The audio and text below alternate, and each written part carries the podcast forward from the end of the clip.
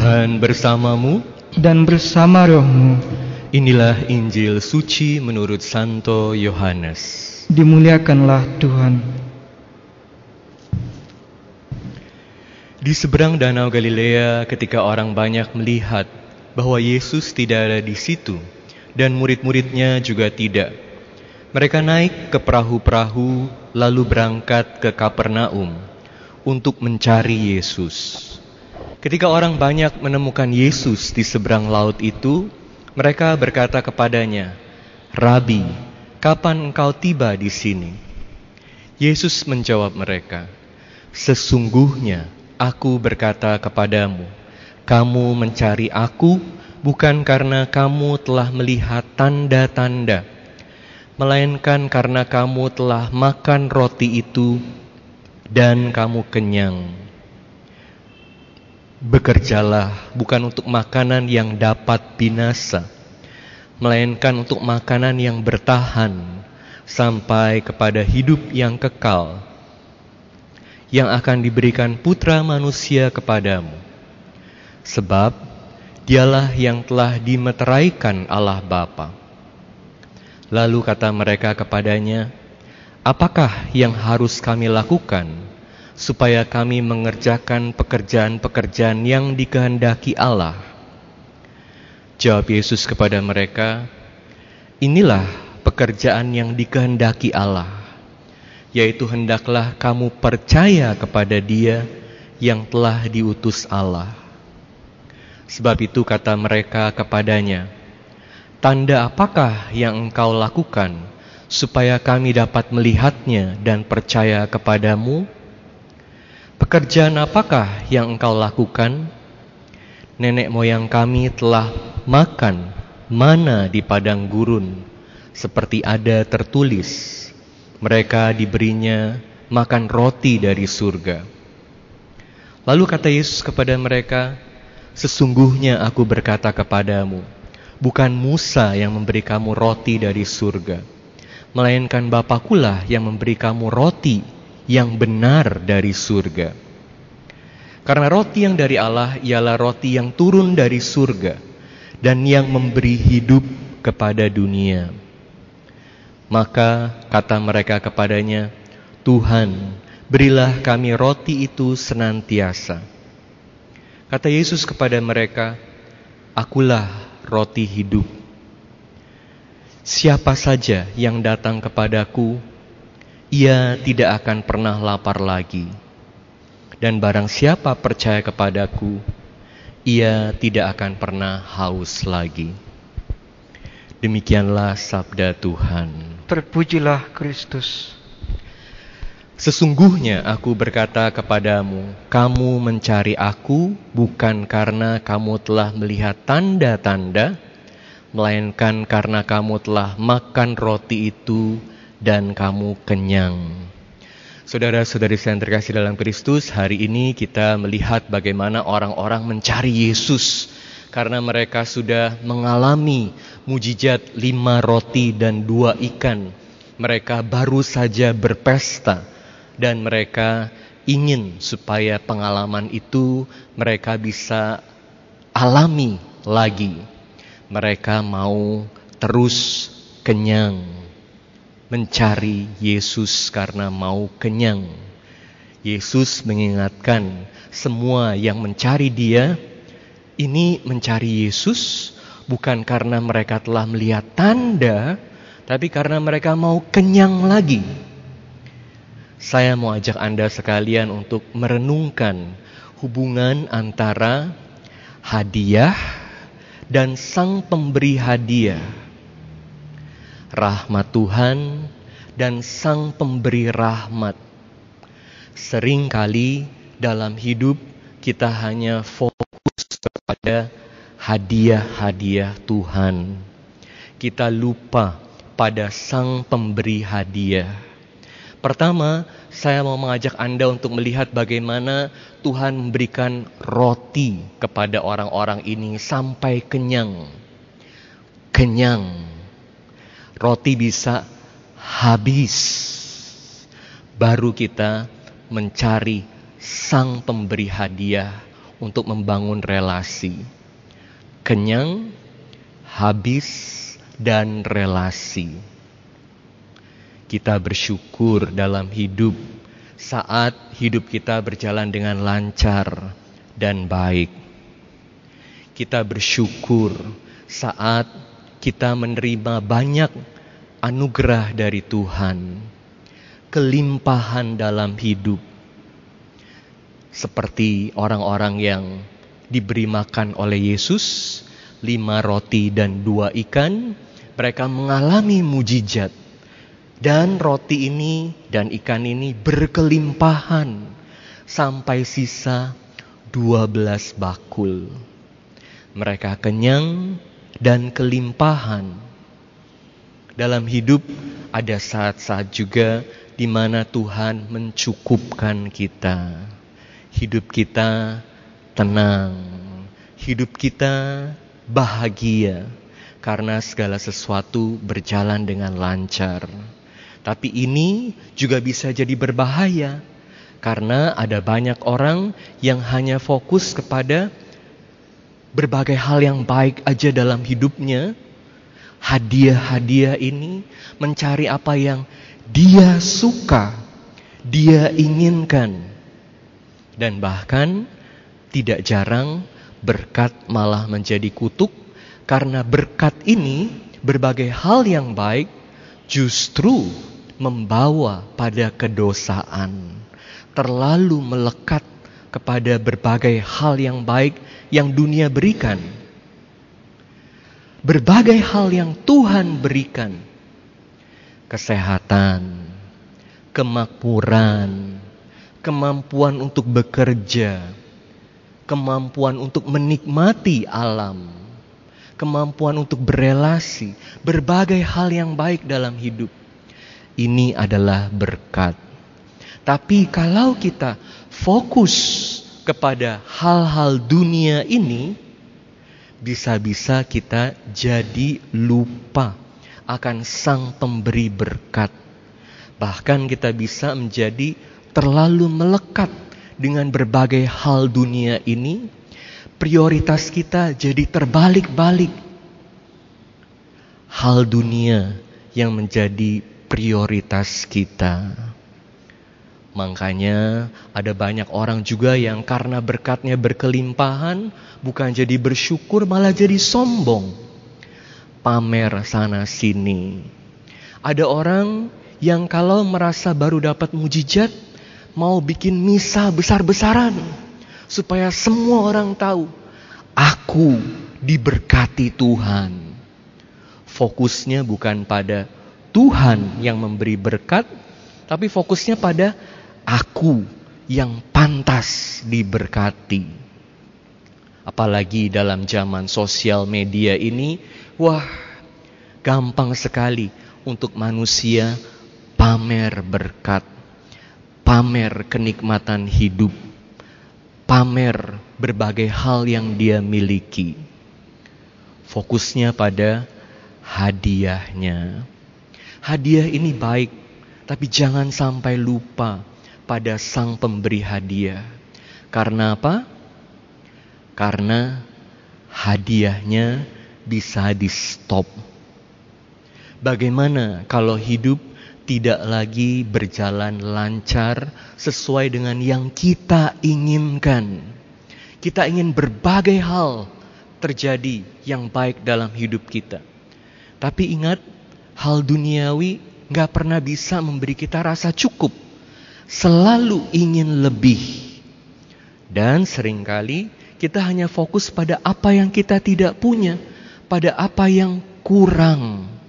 Berkatnya banyak, yang dilihat hanya yang kurang. Dan kalau kita terlalu melekat pada hal duniawi, juga bisa jadi kecewa, takut, takut kehilangan berkat yang sudah dinikmati Aku ingin kenyang terus. Tapi suplainya bisa berhenti. Dan kita jadi putus asa. Waktu umat Israel berada di padang gurun, mereka setiap hari tergantung kepada mana. Mana ini diberikan hari demi hari. Mau kumpulin lebih gak bisa. Mereka terus diingatkan bahwa hari demi hari harus bergantung kepada Sang Pemberi Rahmat, Sang Pemberi Mana. Diberinya cukup untuk hari itu. Tapi manusia kan sering kali serakah, gak pernah bersyukur, selalu kurang. Jadi hidupnya juga dipenuhi dengan banyak kekhawatiran, ketakutan, bahkan keputusasaan. Makanya Yesus katakan, kamu datang karena mau kenyang lagi atau karena kamu melihat tanda bahwa berbagai berkat yang Tuhan sudah berikan, bahwa roti mujizat yang mereka alami itu adalah tanda untuk bisa dibawa kepada realitas Allah. Allah sang pemberi hadiah. Jangan hanya fokus kepada hadiahnya, tapi fokus kepada sang pemberi hadiah. Maka dengan bersyukur atas hadiah yang Tuhan berikan, kita jadi membangun relasi dengan Allah. Relasi ini yang perlu kita bangun. Pertanyaannya, setiap kali kita berdoa, apakah kita berdoa untuk hanya maksa-maksa Tuhan supaya kehendakku yang terjadi? Oh, ini ada doa yang pasti tidak bisa gagal. Doa yang pasti permohonannya dikabulkan. Seolah-olah dengan berbagai resep formula doa, kita bisa paksa Tuhan supaya kehendak kita terjadi. Atau ada orang-orang yang katakan, Romo Adrian minta tolong dong didoain karena Romo Adrian doanya manjur. Gak ada Romo atau suster yang doanya manjur bukan karena doanya manjur, tetapi karena Tuhan baik. Jadi kalau dikabulkan doanya, itu bukan karena kehebatan doa kita. Sampai maksa-maksa. Cari Tuhan Yesus di mana-mana. Tuhan Yesus pergi ke sana, pergi ke sana. Tuhan Yesus ada di sini, pokoknya kita ikutin terus. Bukan karena doa kita tidak bisa, tidak dikabulkan. Pasti dikabulkan Gak ada doa yang pasti dikabulkan. Yang ada adalah kehendak Tuhan terjadi saat doa kita sesuai dengan kehendak Tuhan. Makanya dalam doa pertanyaannya, apakah kita maksa-maksa Tuhan atau kita belajar untuk dalam doa bertumbuh dalam relasi dengan Tuhan? Apakah kita mohon supaya kita ditambahkan imannya supaya bisa semakin percaya kepada Tuhan, semakin mengerti rencana Tuhan, semakin bersedia mengikuti rencana Tuhan walaupun sulit. Apakah kita semakin bertambah dalam pengharapan saat hidup kita sulit, saat kita hanya diberi yang cukup aja seperti orang Israel dalam padang gurun. Mereka diberi cukup supaya selalu hari demi hari berharap pada Tuhan. Apakah doa kita juga mohon supaya kita bertumbuh dalam kasih dengan Tuhan, supaya semakin siap untuk berkorban buat Tuhan karena aku mencintai Tuhan. Berbagai hal yang Tuhan berikan kepada kita harus menjadi tanda, tanda-tanda yang membawa kita dalam relasi yang lebih dalam pada Tuhan, dan itu yang Yesus ingatkan kepada kita hari ini. Dalam berbagai hal, mencari Allah. Saya belajar hal ini dari para Romo Yesuit. Kemarin kita baru uh, merayakan peringatan dalam gereja Santo Ignatius Loyola, orang sangat besar dalam gereja. Dan salah satu yang Santo Ignatius Loyola ini ajarkan adalah mencari Allah dalam segala. Saya sangat bersyukur kepada para Romo Yesuit. Saya ingat banyak Romo Yesuit yang hadir dalam hidup saya dan mempengaruhi hidup saya seperti Romo Sugiri. Romo Sugiri ini favorit papa mama saya. Mama saya seneng kalau ketemu Romo Sugiri karena selain baik, pinter, juga ganteng. Almarhum Romo Sugiri. Lalu saya ingat ada Romo Wisnu, almarhum Romo Wisnu. Saya terima komuni pertama di Blok B dari Romo Wisnu. Dia juga saya ketemu lagi di Kolese Gonzaga, di Pejaten. Kalau dia panggil saya Triple A. Karena dia tahu nama saya Antonius Adrian Adirejo satu-satunya yang panggil saya Triple A. Dan Romo favorit saya Yesuit itu Romo Rudianto. Karena dia seperti sahabat, dia juga yang beri rekomendasi saya untuk masuk Dominikan. Kalau ketemu saya, saya bi biasanya ditonjok sama dia atau ditendang-tendang ya. Itu untuk uh, menyatakan kedekatannya sebagai sahabat kepada para murid. Jadi Romo-Romo Yesuit sangat berpengaruh dalam hidup saya. Terima kasih. Dan kemarin kita merayakan Santo Ignatius Loyola, luar biasa, hebat, besar. Salah satu hal yang dia selalu ingatkan adalah mencari Allah dalam segala. Tapi hidupnya Santo Ignatius Loyola itu tidak selalu seperti itu, dekat dengan Tuhan. Saat dia masih muda, dia menikmati hidup yang enak. Dia lahir di keluarga ningrat. Fasilitasnya banyak. Dia disayang sama orang tua, bisa dapat kesempatan banyak dan dia punya impian besar menjadi pahlawan. Cita-citanya adalah supaya bisa membela kerajaan Spanyol dan bahkan bersedia mati dalam perang sebagai pahlawan. Suplainya masih banyak, berkat Tuhan banyak. Tapi ingat, supply itu bisa di stop. Bukan supaya kita hancur, tapi ini menjadi kesempatan untuk bertumbuh. Pertanyaannya, saat supply itu di stop, kita akan hancur atau malah bertumbuh? Kita tahu pertobatan Santo Ignatius yang sangat terkenal karena dia kemudian ikut perang ya dari dia masih muda sekali umur 30 saat dia membela kota Pamplona dia kena uh, cannonball kena bomnya dan kakinya ini kena terpengaruh sekali jadi rusak luka parah saat itu Santo Ignatius harus tinggal di ranjang aja berbulan-bulan sampai pulih. Dan saat dia tinggal di kamarnya, apa yang dia baca? Yang tersedia buku buat dia hanya hidup Kristus dan hidup Santo Santa. Ignatius sangat terinspirasi oleh Santo Fransiskus dan Dominikus. Mereka bisa melakukan hal besar untuk Tuhan, untuk gereja Kenapa aku nggak bisa? Justru saat Tuhan mengambil berkat dari mata dunia, dari mata Ignatius yang dilihat itu adalah berkat, Tuhan memberikan berkat yang jauh lebih besar kepada Ignatius, memberikan impian yang jauh lebih besar.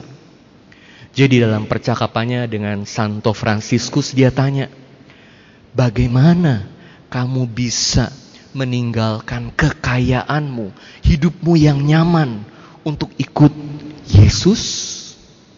Ini tentu percakapan imajinasi dengan Santo Fransiskus Assisi. Jadi Fransiskus bilang, pertanyaannya itu bukan bagaimana, tapi pertanyaannya adalah kenapa? Kenapa saya mengikuti Kristus? Coba kamu bandingkan apa yang dunia bisa kasih dan apa yang kamu dapatkan ketika kamu mengikuti Allah. Yang dunia bisa kasih, kehebatan, keterkenalan, kekayaan, semua sifatnya sementara, bisa hilang. Tapi yang Allah bisa kasih, yang Yesus bisa kasih adalah yang kekal. Kamu cari yang mana? Peristiwa saat berkat dunia itu diambil, hadiah itu diambil dari Ignatius menjadi kesempatan pertobatan. Di situ dia memutuskan untuk mengikuti Yesus dan selebihnya adalah sejarah. Cari Yesus seperti Santo Thomas Aquinas, pemikir besar, hebat, dihargai, selama 800 tahun pemikirannya selalu mempengaruhi hidup gereja. Satu hari dia dapat uh, pengalaman mistik dan dia ditanya sama Yesus, sama Allah, engkau sudah menulis dengan sangat baik tentang aku. Apa yang kamu minta? Thomas Aquinas katakan, non nisite domine. Tidak lain, hanya engkau saja Gak kurang dari Allah sendiri yang aku mau. Bagaimana dengan kita? Hari ini Yesus mengatakan, Akulah roti hidup yang datang kepadaku tidak akan lapar lagi. Lord be with you. And with your spirit. A reading from the Holy Gospel according to St. John. Glory to you, O Lord. When the crowd saw that neither Jesus nor his disciples were there, they themselves got into boats and came to Capernaum looking for Jesus. And when they found him across the sea, they said to him, Rabbi, when did you get here? Jesus answered them and said, Amen, amen, I say to you, you are looking for me not because you saw signs, but because you ate the loaves and were filled. Do not work for food that perishes, but for the food that endures for eternal life, which the Son of Man will give you. For on him the Father, God, has set his seal. So they said to him, What can we do to accomplish the works of God? Jesus answered and said to them, This is the work of God, that you believe in the one he sent. So they said to him, What sign? can you do that we may see and believe in you? What can you do? Our ancestors ate manna in the desert, as it is written, He gave them bread from heaven to eat. So Jesus said to them, Amen, amen, I say to you. It was not Moses who gave the bread from heaven. My Father gives you the true bread from heaven. For the bread of God is that which comes down from heaven and gives life to the world. So they said to him, Sir, give us this bread always. Jesus said to them, I am the bread of life. Whoever comes to me will never hunger, and whoever believes in me will never thirst. The Gospel of the Lord. Praise to you, Lord Jesus Christ.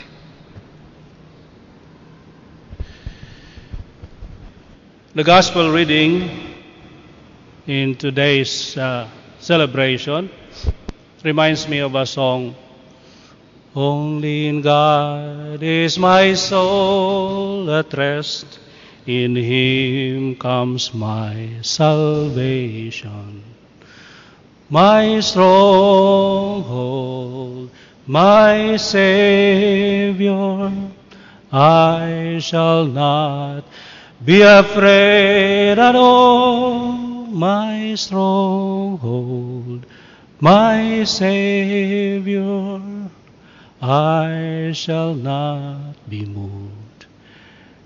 So this song speaks about God as our Savior and He alone. To Him alone we can find our rest, our soul's rest. He alone can satisfy all our hunger and all our thirst. Of course, many of us seem not to grasp this truth fully. Why? Because many of us still seek to for satisfaction for our hunger and thirst from something else. Uh, this is the story of uh, Joe Boyd. Yeah, uh, of course, this is in a musical, a musical, a Broadway musical in the 1950s. It's a story of a man named Joe Boyd who dreamt of becoming a baseball player. But uh, his time passed and he was not able to fulfill his dream. But uh, somebody approached him by the name of Mr. Applegate uh, and told him that he still can uh, fulfill his dream to become a very good, uh, popular, and a very rich, uh, influential baseball player. Uh, but what is the catch? Uh, the catch is that he has to sell his soul. Oh, why? Who is this Applegate? He is the devil in human form. So he can provide or fulfill the dream of Joe Boyd. And uh, Joe thought of it, then said, uh, I have one condition. Uh, I will agree to your proposal if you also agree to the condition I propose, counter propose. What is it? The devil asked. That uh, if I want, I can quit. I mean, I can get out of the contract.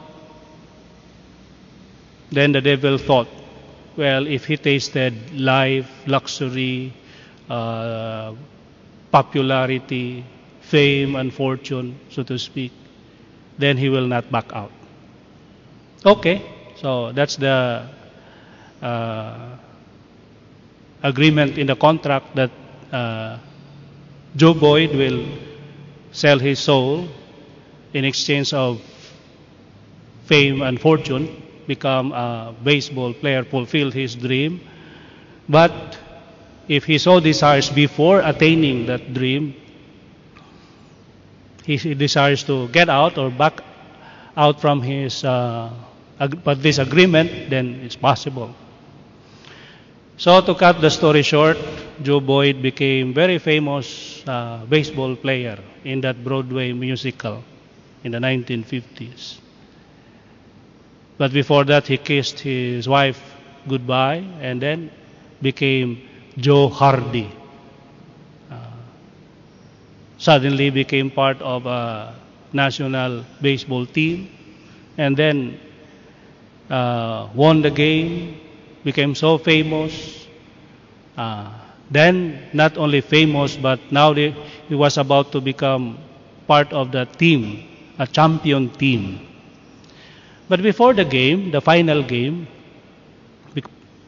uh, he ended up staring on the wall, this Joe Hardy. And he felt this hunger and thirst in his heart. That even imagining the, after tasting a bit of fame and fortune, the hunger continues to grow and even increase. It's not satisfied. He felt empty inside. So, what he did was, uh, beyond the expectation of the devil, he just simply disappeared. And then later in the musical, he went home, kissed his wife, and then became the ordinary Jew uh, Boyd again.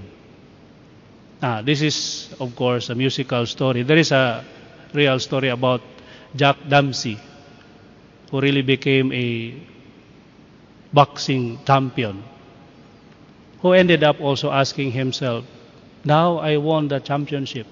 So what? So these are people who discovered that fame and fortune cannot really satisfy the longing of the human heart. Today's gospel reading reminds us that there is only one, only one person who can satisfy the longings of our hearts. And that is our Lord Jesus Christ. These two people, yeah, the one in the movie and the one in real life, must have realized that selling the soul, oh, what, what does it take for a man to gain the whole world if they will lose their soul in the process? So instead of seeking for fame and fortune, we are invited now to seek first the kingdom of God. And then everything else will be given unto us. Meaning to say, we will find satisfaction. It doesn't mean that we will all become rich, famous, influential, powerful. But in the ordinary blessings of life, we will become satisfied. And that's the key to happiness satisfaction. There are, of course, all, uh, many of us who are not satisfied with what we already have. When in fact, other people may already be envious of us because we have something that they don't have. But for us who have them, we sometimes are not satisfied. And that's the, that's the reason for unhappiness, dissatisfaction. There was this one fellow also uh, fishing using a fishing rod. And his friend came, Oh, why are you spending your life fishing? you are wasting your time. You should work hard. Then the man said, If I were to work hard, for what purpose? Of course, to have money. Uh, because I know that you're capable of uh, doing business, then you will have much money. Then what will I do with my money? Of course, you buy property. You go abroad. You travel, okay, and become really enjoy life. Now, if I have now so many properties, I'm so rich, what can I do? Well, you can enjoy life. How can I enjoy life? Well, one way is fishing. then he said, why should I uh, labor so much, earning so much, and only to go fishing when I, in fact, I can already go fishing now, and I'm enjoying it. Ah. There's a tragic story of a man who really worked hard to the point of having no time with his family. Why? Because uh, he spent his time earning. Actually, this fisherman, or this one uh, fishing, actually he really enjoyed his life by spending time with his family and friends. Uh, with his wife, and he goes regularly to meet friends and spend time with them, and he attends the uh, affairs of his son when he has a game. He was there to cheer him up. So he was really there, enjoying life. That's why when this man invited him to work hard, meaning to dedicate more time to do business and then to sacrifice time with his family, with his friends, with his son. He did not because he knows his priority. Now, this is not, of course, a reason for us to abandon work. We have to work, we have to earn something, but not to the point of exchanging or sacrificing the essentials for what is fleeting and temporary. Nowadays, there are kinds of businesses which hit the free time. The enticement is that you can continue with your work, you can leave for work, for office, yeah, early in the morning, but when you return, when you are at home, you can engage in this business and you will have double income. Now it uh, sounds enticing, and many are falling to that temptation to even spend their free time, relaxation time, family time, doing something for money. And that means sacrificing, establishing, building up good memories with their friends and families. Now, we are not, of course, uh, setting aside the ill effects of COVID 19 or COVID 19, but one of the good things that, uh, as a result of consequence of COVID 19, is that it forced us to go home, to stay home, and to spend more time with one another. And this is feeding, feeding on the essential things in life, which is relationship. Relationship with one another and relationship with God. When we really love one another. Now, love, the language of love is time and space. You cannot say, I love a person, but I have no time for him or for her. Love, to be true, must be communicated in the language of space and time. We should really have time and allow space in our life for that somebody. When we say we love God, but we don't have time to pray, to connect with Him, to commune with Him, even an hour, people, some people could not uh, spend that for God. And before, there were people who would attend Mass only after finding an answer to the question, What shall I do today? It's Sunday. Oh, nothing. Then I'll go to Mass. So it's the last option when there is nothing at all that can be done. That's why before this COVID-19, this COVID-19, people were so busy doing many things to the point that they make them as an excuse to go to, to Mass and to partake in the Holy Communion. These people thought that, yeah, there are more essential things in life than being one with God somebody who was already on his way to Mass received a text from a friend inviting him to watch a movie. Then, almost immediately, he changes track. Not to the church, but to the mall.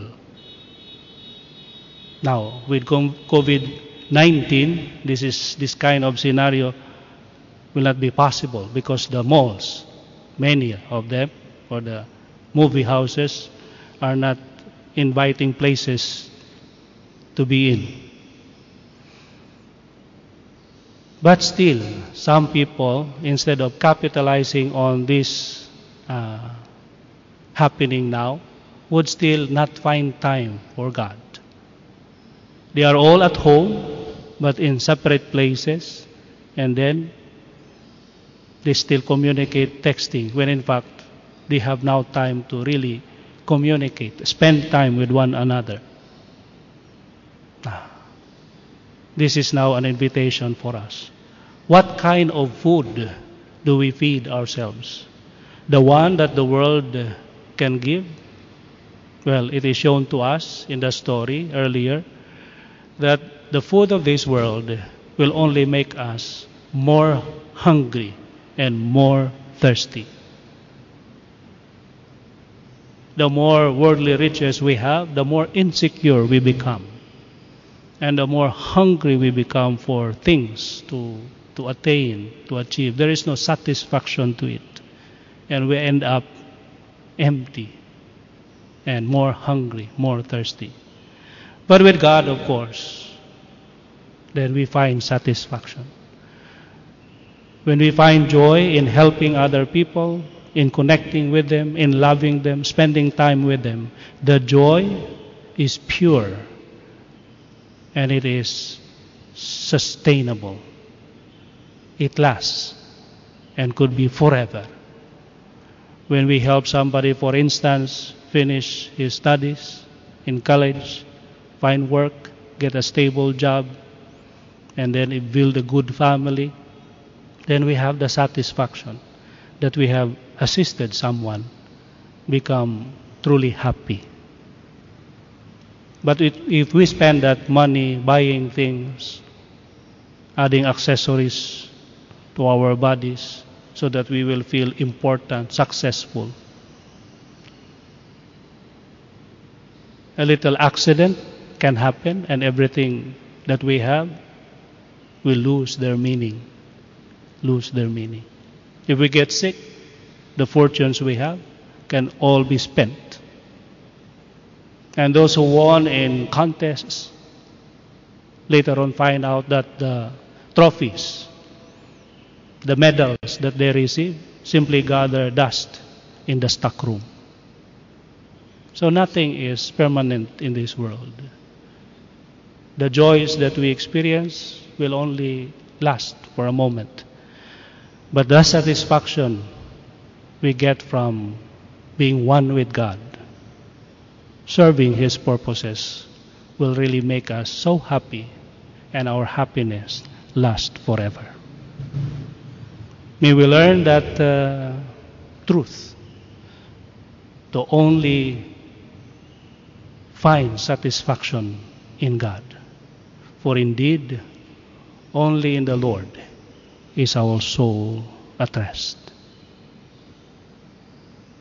Amen. Tuhan bersamamu. dan bersama rohmu Inilah Injil suci menurut Santo Yohanes. dimuliakanlah Tuhan.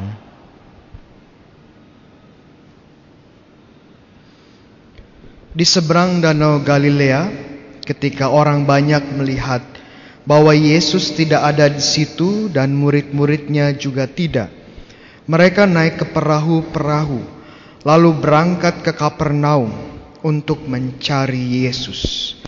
Ketika orang banyak menemukan Yesus di seberang laut itu, mereka berkata kepadanya, "Rabi, kapan engkau tiba di sini?" Yesus menjawab mereka, "Sesungguhnya aku berkata kepadamu, kamu mencari aku bukan karena kamu telah melihat tanda-tanda, melainkan karena kamu telah makan roti itu dan kamu kenyang." Bekerjalah bukan untuk makanan yang dapat binasa, melainkan untuk makanan yang bertahan sampai kepada hidup yang kekal. Yang diberikan putra manusia kepadamu, sebab dialah yang telah dimateraikan Allah Bapa. Lalu kata mereka kepadanya, apakah yang harus kami lakukan supaya kami mengerjakan pekerjaan-pekerjaan yang dikehendaki Allah? Jawab Yesus kepada mereka, "Inilah pekerjaan yang dikehendaki Allah, yaitu hendaklah kamu percaya kepada Dia yang telah diutus Allah."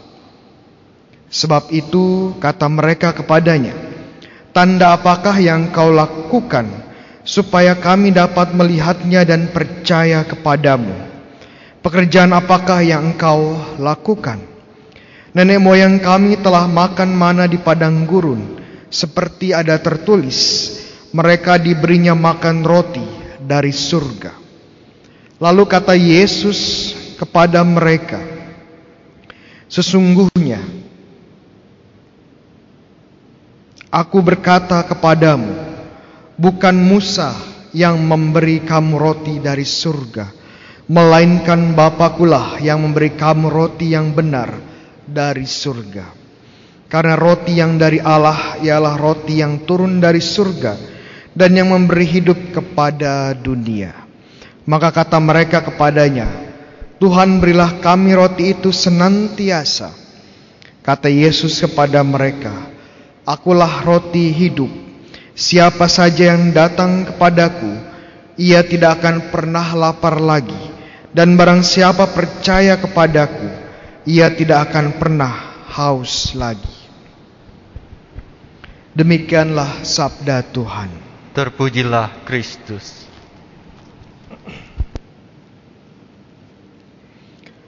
Saudara-saudari yang terkasih dalam Kristus, minggu ini adalah kelanjutan dari minggu lalu. Minggu lalu kita mendengarkan kisah Yesus yang melipat gandakan roti dan bagaimana 5000 orang lebih dipuaskan dengan roti ini. Dan sekarang orang-orang mencari Yesus. Mereka mencari Yesus karena mereka tahu Yesus bisa melakukan muzizat. Dan mereka ingin menerima muzizat itu lagi. Yesus menyadari hal ini. Ya makanya Yesus bilang, kalian jangan cari saya hanya sekedar untuk cari makanan yang bisa binasa, makanan yang bisa basi, makanan yang bisa rusak. Tapi carilah makanan yang bisa bertahan sampai kehidupan kekal. Masalahnya waktu orang-orang Israel, orang-orang yang mendengarkan Yesus, mereka mendengar makanan yang bisa bertahan sampai kehidupan kekal. Hal pertama yang keluar dalam pikiran mereka adalah roti mana yang diberikan Tuhan kepada nenek moyang mereka di padang gurun. Roti mana yang diberikan Tuhan kepada nenek moyang mereka. Kenapa bayangan itu yang muncul? Ya karena roti ini terus menerus setiap hari diberikan selama 40 tahun. Roti yang bisa bertahan begitu lama dan Tuhan sendiri yang berikan. Dan ini yang diexpect ya, ini yang ekspektasi orang-orang yang mendengar Yesus. Sepertinya Yesus akan memberikan roti semacam ini. Dan kita tidak perlu khawatir dengan kelaparan. Karena setiap hari Tuhan Yesus akan berikan roti mana seperti ini. Dan kita tidak akan perlu lagi khawatir untuk mengisi perut kita. Dan tentu saja orang-orang yang mendengarkan Yesus gagal paham. Ya. Mereka gagal paham. Karena bukan roti semacam inilah yang Yesus akan berikan. Yesus akan memberikan sesuatu yang jauh lebih sempurna. Tapi ya orang-orang ini masih memiliki pandangan makanan ya makanan sehari-hari. Makanan fisik sehari-hari seperti nenek moyang mereka terima. Dan apakah salah Romo dengan makanan yang kita terima sehari-hari? Tidak, ini juga penting tentunya karena tanpa hal ini kita akan mati, kelaparan. Dan kalau kita baca data dari United Nations atau dari PBB, ya, kita menyadari bahwa ada 600 80 juta orang ya kira-kira yang sampai pada hari ini tidur dengan perut kosong. Penduduk Indonesia 250. Ya hampir tiga kali penduduk Indonesia. Kalau penduduk dunia 7 miliar yaitu hampir 9 persen. Ya. Satu dari delapan orang yang kita temui bisa jadi perutnya kosong. Dan bayangkan kalau Yesus itu hadir dan menyediakan makanan ya untuk semuanya setiap hari. Pasti tidak akan ada masalah kelaparan lagi. Belum tentu. Belum tentu. Kok bisa Romo? Kenapa? Betul bahwa ada kelaparan dengan jumlah yang luar biasa banyak. Tetapi penelitian juga mengatakan bahwa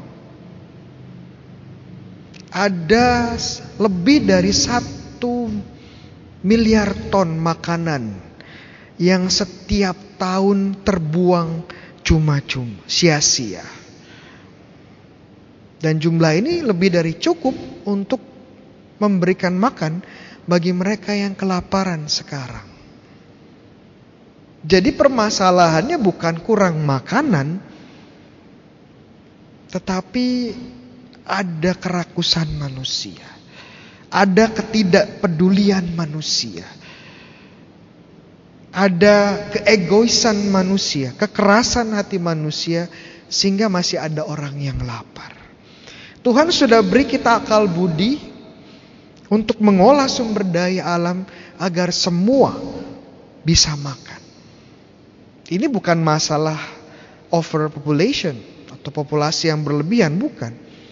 Tapi kedegilan dan kekerasan hati kita. Kalau Tuhan berikan makanan setiap hari, tapi kemudian ada orang-orang yang menimbun, dia. Ada orang-orang yang kemudian mengambil dan menjualnya lebih mahal lagi. Ya, sama aja bohong. Dan Yesus mengerti bahwa bukan itu yang Yesus akan berikan. Tuhan sudah berikan itu. Makanya Yesus datang memberikan sesuatu yang lebih sempurna. Masalahnya kita seperti bangsa Israel hanya fokus pada perut kita. Mungkin kita sedikit kembali ke perjanjian lama. Bacaan pertama tadi. Kita dengarkan tadi bangsa Israel ya, mereka bersungut-sungut Kenapa? Karena mereka tidak menerima rot makanan di padang gurun. Ya wajar ya kalau orang lapar ya pasti mencari makanan. Tetapi kalau kita lihat konteksnya, kalau kita lihat beberapa bab sebelum ya mereka komplain, mereka bersungut-sungut, mereka baru saja menyaksikan bagaimana Allah menghancurkan bangsa Israel dengan kuasanya. Bagaimana Allah ya melalui Musa membelah lautan merah. Dan mereka bisa berjalan di tengah laut dengan aman. Dan bagaimana Tuhan baru saja merubah air yang pahit menjadi manis. Tapi saat mereka lapar, saat mereka menderita, mereka lupa semua dengan apa yang Tuhan lakukan kepada mereka. Dan mereka bilang kami lebih baik kembali ke Mesir. Lebih baik menjadi budak. Menjadi budaknya orang Mesir. Setidaknya kami makan. Dan yang lebih parah lagi mereka menyalahkan Tuhan. Tuhan bawa kita ke sini supaya kita mati. Wah, kurang ajar ya. Kalau saya jadi Tuhannya, udah saya ulek mereka ya, menjadi sambal terasi. Puji Tuhan, saya bukan Tuhan ya. Tuhan panjang sabar dan pengasih. Dan Tuhan berikan kepada mereka mana makanan dari surga.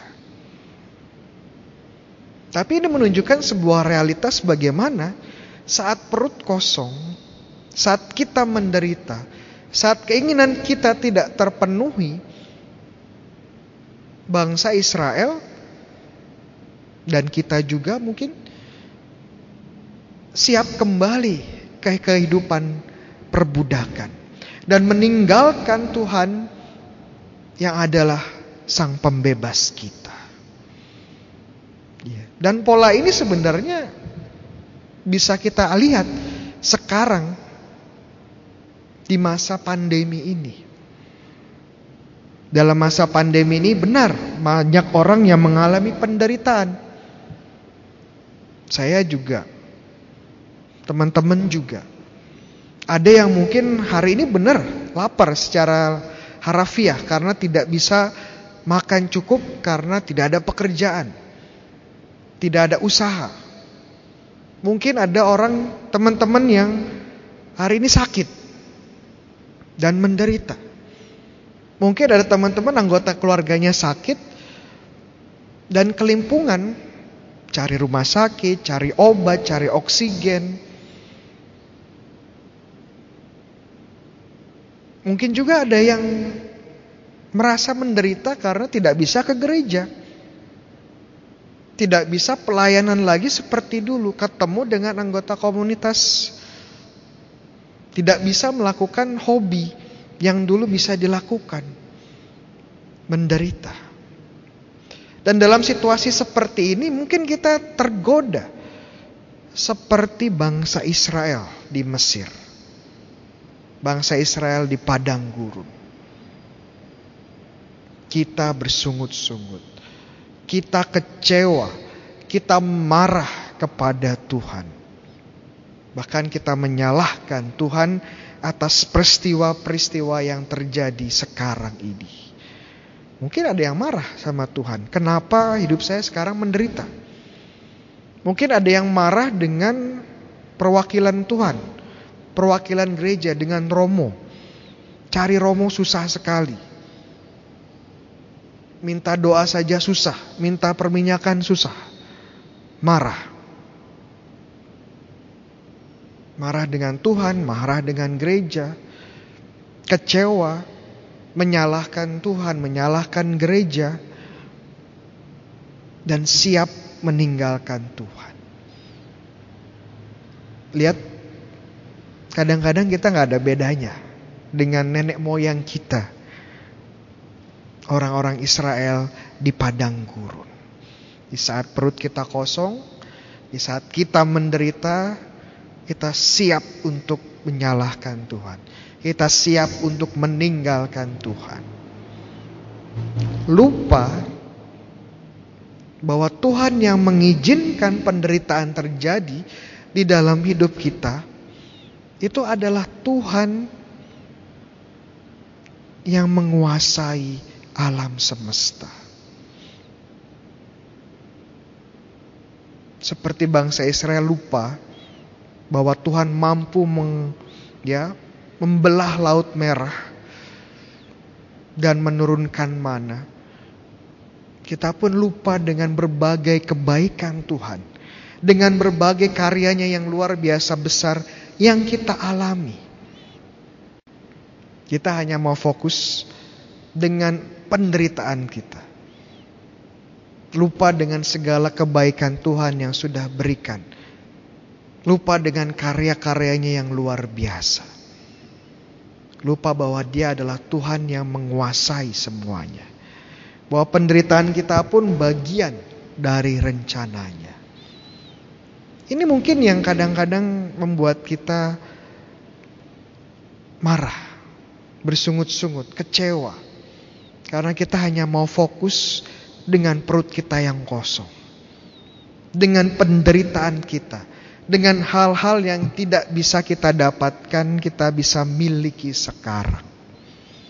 Melupakan semua kebaikan Tuhan yang sudah Tuhan berikan di dalam hidup kita. Ya, gak beda ya dengan bangsa Israel.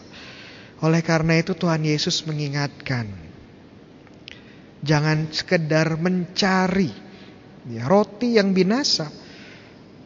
Karena kalau binasa rotinya kita akan kecewa. Carilah roti yang makanan yang tidak akan binasa. Carilah Yesus sendiri.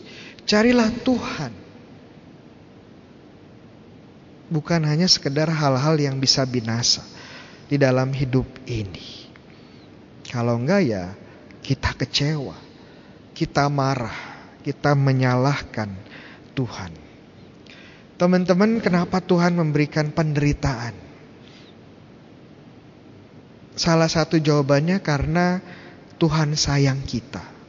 Uh, masa Tuhan sayang kita? Kita menderita, Romo. Lah iya, itu metode Allah kok. Ya, itu teknik Allah mendidik anaknya kok. Wah masa Romo? Iya, lihat Tuhan Yesus. Lihat hidup Tuhan Yesus. Dia juga masuk padang gurun. Dia juga harus menderita. Bahkan disalib dan wafat. Kenapa? Karena ini metode Tuhan untuk membentuk anaknya. Membentuk keluarganya. Bangsa Israel dia bimbing ke mana? Ke padang gurun. Menghadapi berbagai ujian. Kenapa? Karena Tuhan ingin menguji mereka. Membentuk mereka. Mereka mau percaya nggak dengan saya? Bahwa saya bisa memberikan mereka makan. Bahkan di padang gurun sekalipun. Dan masa ujian ini pun bisa kita lihat sebagai masa pembentukan kita Kalau kita baca surat Ibrani bab 10 ya. 10 11 12 justru karena Tuhan menganggap kita sebagai anak dia mendisiplinkan kita. Dan masa ujian ini kita didisiplinkan. Kita dididik. Kita dibentuk untuk mencari apa yang sungguh esensial di dalam hidup kita. Apa yang sungguh penting di dalam hidup kita. Kita mau percaya nggak Tuhan itu berkuasa bahkan di masa-masa sulit kita. Mungkin saya akan tutup dengan cerita ya, tentang seorang santo yang baru kita rayakan kemarin. Namanya Santo Ignatius dari Loyola. Ya.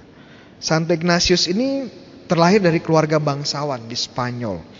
Dan waktu usia 16 tahun dia menjadi bagian ya anak asuh atau anak didik anggota keluarga kerajaan Kastil Spanyol. Jadi dia pindah dari rumahnya di Loyola ke dalam istana di Kastil ya di Spanyol.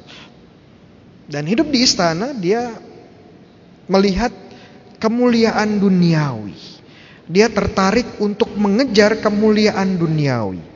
Dia ingin menjadi seorang kesatria, menjadi seorang yang berkuasa secara politik, yang karir militernya bisa sukses, yang punya istri yang cantik luar biasa. Kemuliaan duniawi dan itu yang dia kejar.